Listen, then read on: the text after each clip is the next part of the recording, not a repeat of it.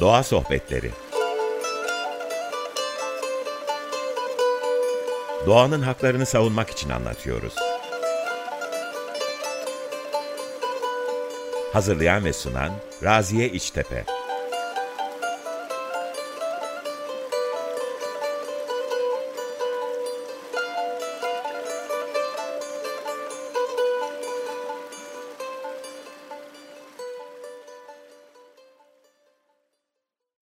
Merhabalar, Doğa Sohbetlerine hoş geldiniz. Ee, ben Raziye İçtepe. Bu hafta hep birlikte efsanelere ev sahipliği yapan Kaz Dağları'na gidiyoruz. Sarı Kız'ın eteklerinde e, onun hikayesini dinleyeceğiz. Anadolu'daki kadının doğayla olan uyumu ve bunu hayatın, mücadelenin bütün kanallarına nasıl e, aktardığını, nasıl e, ördüğünü konuşacağız konuklarımızla birlikte. Konuklarımız Kaz Dağı kardeşliğinden e, ve aynı zamanda o bölgede yaşayan e, Kaz Dağları'nın doğasının korunması için yıllardır e, çalışan e, çok genç bir e, kadın arkadaşımız Füsun Kayra bizlerle birlikte. E, ve aynı zamanda Doğa Derneği Yönetim Kurulu Başkanı Tuğba Dicle Kılıç bizlerle birlikte. Hoş geldiniz. Hoş bulduk. Nasıl, Hoş bulduk, selamlar. Merhaba. nasılsınız? Yani heyecanlı biraz. Ee, yani işte ilkbahar yaza dönüyor. Biz de öyle şu anda yaza dönme noktasındayız kadınlar olarak sanki. Evet, e, bütün iliklerimizde hissediyoruz baharın yaza geçişini. E, çok heyecanlı, zaman heyecanlı, konu çok heyecanlı. E, Füsun, e, öncelikle biraz böyle senden başlamak istiyorum aslında konuya. E, yıllardır Kaz Dağları'ndasın, o bölgede mücadele ediyorsun, e, mücadelenin içindesin birebir. E, ve e, özellikle altını da çizmek istiyorum. Çok genç bir kadınsın o bölgede bu mücadeleyi yürüten. Biraz kendinden bahsedebilir misin bize? Tanımak istiyoruz seni. Yani 6 yılı geçti. 7. yılındayım. Kaz Dağları'nda yaşıyorum. Kaz Dağları'nın bir dağ köyündeyim. Aslında normalde de e, üniversite yıllarından beri hem ekoloji hem de kadın hareketi içerisinde var oldum. E, ama aktif olarak eylemlere katılan yani şehirlerde yapılan eylemlere katılan bir kadınken aslında Kaz Dağları'na taşınmamla beraber buradaki e, tüm mücadelenin göbeğine düşmüş oldum bir yandan da.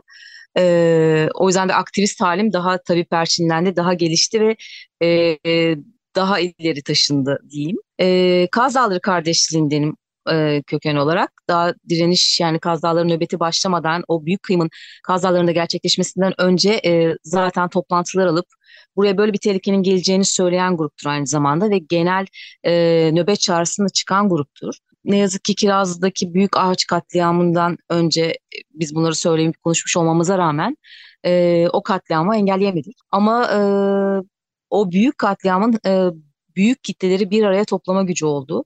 E, ve Kaz Dağları direniş nöbeti başladı. Ben de başından itibaren nöbetteydim. E, ama tabii Kaz Dağları'na yerleştiğim andan itibaren hani bu bölgenin e, işte yüzde sekseni maden ruhsatlı bir bölgeden bahsediyoruz. Kaz Dağları dediğimizde keşke sadece Kaz Dağları diyebilsek, dağlar diyebilsek, ormanlar, güzellikler diyebilsek ama maalesef bir yandan da böyle bir realde gerçekliği olan bir bölgeden bahsediyoruz. E, bu kadar yüksek oranlı madene ruhsatlanmış bir bölgede de tabii ki doğal olarak e, çok büyük bir mücadele alanı, çok büyük bir mücadele örgütleniyor ve büyüyor. E, biz burada yaşayanlar olarak bunu hem içinde olmakla beraber e, başkalarının da buna dikkatini çekmek için de çalışıyoruz, çabalıyoruz.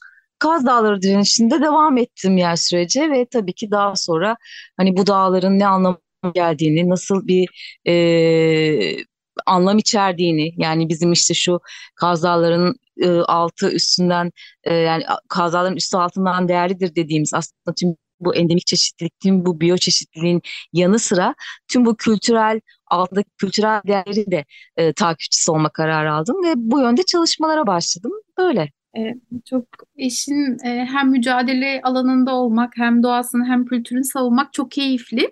Aslında yavaş yavaş ben de e, kültür kısmını çok merak ediyorum. Kaz Dağları'nda yaşayan biyolojik çeşitliliği e, biliyoruz ama aynı zamanda orayı hem koruyan hem de korunması gereken başka bir kültür varlığı da var. E, Kaz Dağları'nda Sarı Kız efsanesi var. E, hep duyuyoruz, anlatıyorlar, büyüklerimizden dinledik. E, Peki bu hikaye, efsane bize ne anlatıyor Kaz Dağları'na dair? Sarı Kız'ın ağzından. Ee, Sarı kız aslında e, yani ben de Kaz Dağları'na yerleştikten hemen sonra yani hem köylerde e, Yörüklerden, Türkmenlerden işte bütün bu madenle ilgili bütün köyleri dolaştım ben. E, ve yürürken, dolaşırken de hep böyle bu efsaneyi dinliyorsunuz herkesten bir şekilde. Anlatılan bir efsane ve hani bunun altında ne var? Çünkü sonuçta Kaz Dağları'nın zirvesinde bir kadın erinin türbesinden bahsediyoruz. Bu çok güçlü bir e, imge açıkçası benim için çok çarpıcıydı.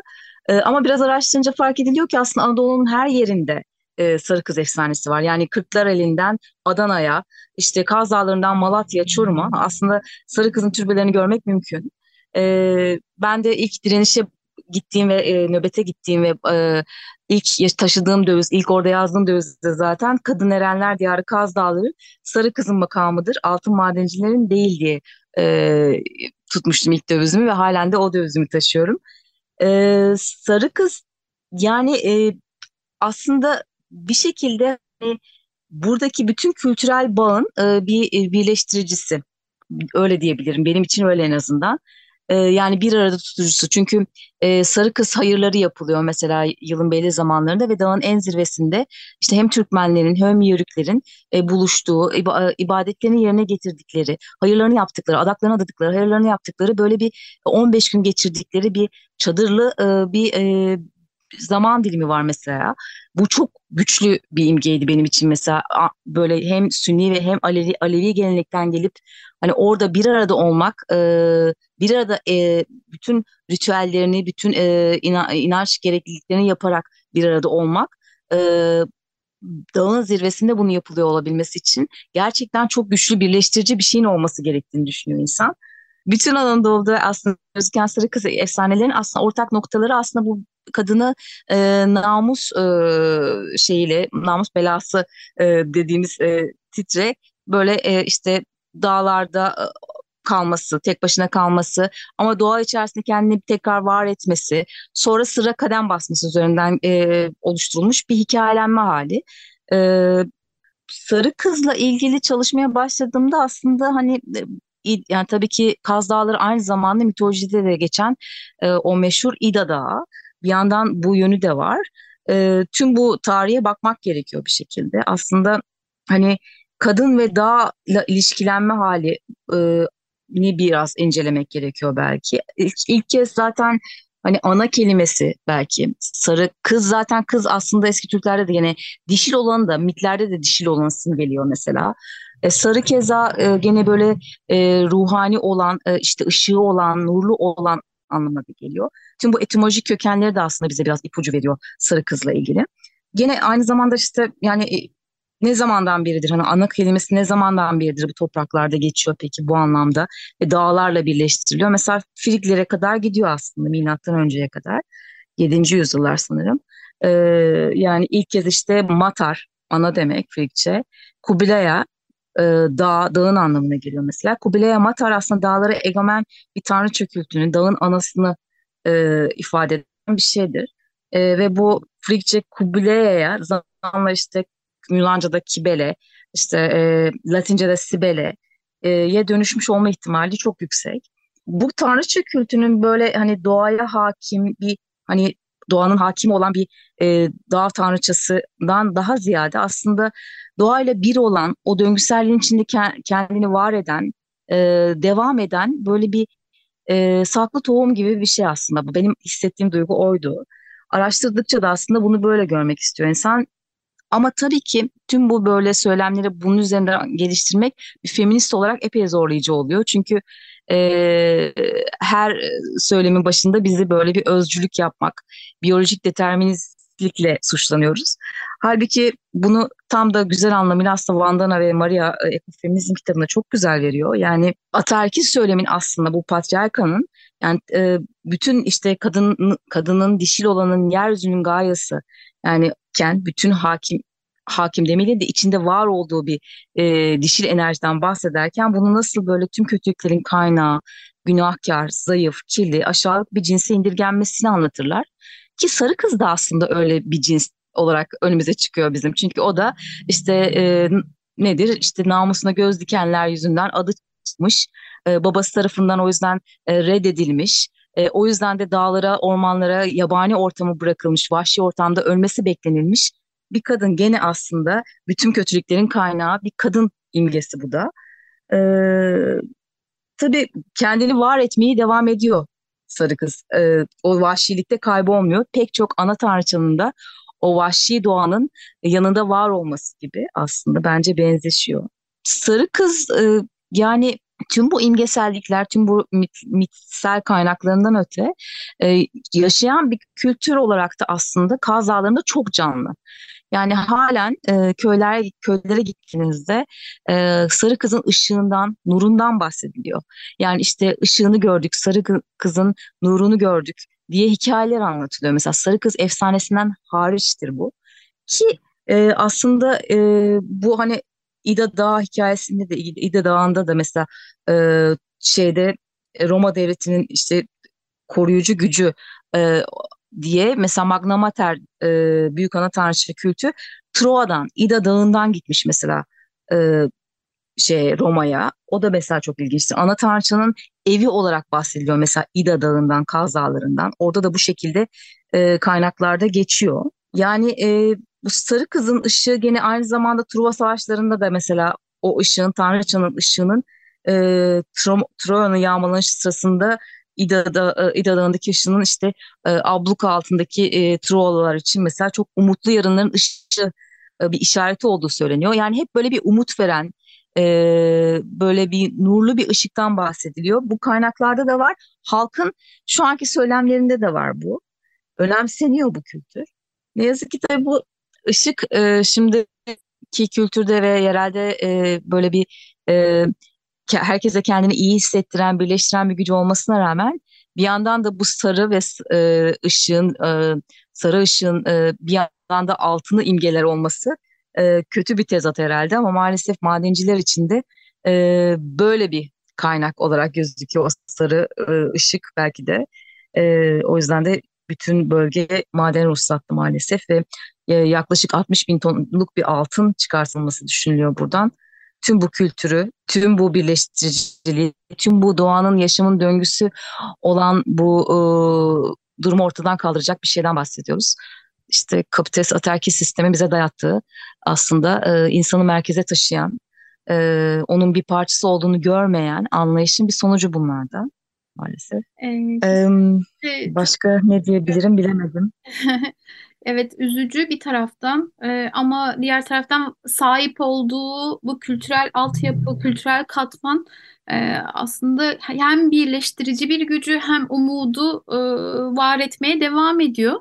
Buradan aslında bir taraftan da e, hem Kaz Dağları'nda hem de Anadolu'daki, e, Türkiye'deki yıkımların karşısında kadınların nasıl bir etkisi var? Biraz buraya e, geçmek istiyorum. Merak ettiklerim var senin gözünden özellikle. E, hı hı. Ve e, bu noktadan nasıl bir yere doğru evrilecek bu mücadele? E, yani kadınların da içinde olduğu hatta e, öncülüğünü yaptığı e, bu mücadele içinde. Aha. Zaten aslında yani bu, bu da bunun da tarihsel kökeni var. Yani sonuçta Neolitik öncesi dönemden itibaren kadınlar aslında toplayıcı. Yani e, ve hani üretim devrimiyle beraber yine toprağı işleyen kadın. Yani hep biz toprakla ilişkiliydik. Yani bu hani e, aslında şeye de biraz karşıyım ben. Yani bu toprak ana hani işte doğurganlık üzerinden kadınla doğayla ilişkilenme halini de biraz ataerkil bir söylem olarak görüyorum. E, biraz böyle yumuşatmaya ve hani bunu tümüyle bu doğurganlık üzerinden çeşitlemeye çalışıyorlar. Aslında öyle değil. Biz zaten zaten toprağın o gizli kadim bilgisine sahiptik. Yani e, bütün o toprağın e, topraktaki şifayı bilendik. O şifanın nasıl kullanılacağını, nasıl iyileştireceğini, bu gücün nasıl bir şey olduğunu bilen ve kullanandık. Yani dolayısıyla bütün ataerkil sistemin e, bize dayattığı şey tüm bu bilgiyi bizden almaktı. Bizden kopartmak bir şekilde bağımızı e, e, bağımızı e, kırmaktı. Çünkü bu kadınlara aslında oldukları toplumsal yapılarda çok büyük güç veren, e, bir statü veren, bir konum sağlayan da bir şeye dönüşüyor bu bilgiye sahip olmak. Günümüzde ekoloji hareketinde kadınların en önde olması aslında tüm bu ben öyle düşünüyorum yani bütün bu kadim e, kodlamalardan geliyor biraz da. Çünkü biz halen işte nelerimizden bize aktarılan o doğayla ilişkilenme halini daha farklı yaşıyoruz. Yani bir erkeğin yaşayacağı şekil, şekilden daha çok farklı yaşıyoruz. Bizim toprağa baktığımızda gördüğümüz şey, hissettiğimiz duygu daha özümüzden gelen, daha o bütün o yaşam anının bir parçası olduğumuzun hissiyle bize gelen bir duygu. Haliyle kadınlar e, kendi yaşam alanları, toprakları, havaları, suları kirleneceği zaman o ya bulundukları bölgede böyle bir katliam, böyle bir ekolojik yıkım olduğu zaman verdikleri tepki erkeklerinkinden çok daha büyük oluyor. Yani çünkü çok daha can alıcı oluyor onlar için böyle bir şey. Bütün bu köylerde olan direnişlerde, yerelde ya da şehirlerde fark etmiyor aslında ama kırsalda olan direnişlerin hepsinde kadınların hani ne kadar ileri gidebildiklerini, hani bizim bile hani dışarıdan gelen aktivistler olarak, ekoloji aktivistleri, kadın aktivistler olarak mesela eylemlere katıldığımızda, o, o yöredeki, o bölgedeki eylemlere katıldığımızda bizim bile onların gerisine düştüğümüzü görüyorum ben çoğu zaman. Gerçekten çünkü e, o kadar ba- başka bir bağla bağlandıkları şeyi koruyorlar ki o yüzden de bütün ülke genelindeki ekoloji hareketlerinde kadınlar en öndeler. Yani kaybedecekleri hiçbir şey olmayanlar o aynı zamanda kadınlar. Dolayısıyla topraklarını kaybetmek hani onlar için artık hani e, o işin en son noktası. Haliyle en önde var olmaya devam ediyorlar. Bu çok güçlü bir e, bağ oluşturuyor. Güçlü bir direniş oluşturuyor. Yani e, biz Kızılcaköy'deki kadınlardan, Kirazlıyayla'daki kadınlardan, İkizdere'deki kadınlardan, İkizköy'deki kadınlardan, Kaz Dağları'ndaki kadınlardan bahsedebiliyoruz bir direnişten bahsederken ve nasıl çarpıştıklarını, hem devlete hem şirketlere karşı e, nasıl mücadele ettiklerini hem babalarına, abilerine, kocalarına, çocuklarına, erkek çocuklarına karşı da o mücadele yürüttüklerini görüyoruz. Çünkü çoğu kez kadınlar işte korkutularak, kadınlar e, dışlanarak, kadınlar bir şekilde mücadelelerden düşürülmeye de çalışılıyor. Ekofeminizm adı altında aslında bizim öncülediğimiz şey şu oluyor o anlamda. Bu kadınlara, bütün bu ülke genelinde e, bu çarpışan, mücadele eden kadınlara aslında yalnız olmadıklarını, aslında onun gibi pek çok kadının ülkenin her yerinde mücadele ettiğini ve bu mücadelenin çoğunun kazanıldığını, inatla sürdürüldüğünde vazgeçilmediğinde çoğunun kazanılıp başarıya ulaşıldığını onlara aktarmak, onları birbirine bağlamak, onları birbirini göstermek ve kadınların ekoloji mücadelesine daha çok öne çıkmasını sağlamak. Gönül, daha doğrusu öne çıkmaları zaten öne çıkmış durumdalar. Daha çok görünür olmalarını sağlamak. Yani o yüzden de e, ekoloji hareketinde kadınlar asla eksilmemesini, ço- daha çoğalmalarını sağlamak. Bu kolay olmuyor maalesef. E, evet, sanırım sen de aynı noktaya geliyorsun. Tam ben de aslında bu noktada şunu soracaktım. E, ben de işte yaklaşık 20 yıldır Doğa Derneği'ndeyim ve e, işte Hasankeyf'ten e, Karadeniz'in pek çok HES mücadelesine kadar e, bu mücadelelerin içinde bir şekilde veya gözlemci olarak yer aldım. Hı hı. E, dediğin gibi özellikle yerel e, düzeyde e, kadınlar bu işin sözcüsü, öncüsü ve kazanılmasını sağlayan ana aktörler aslında. Evet.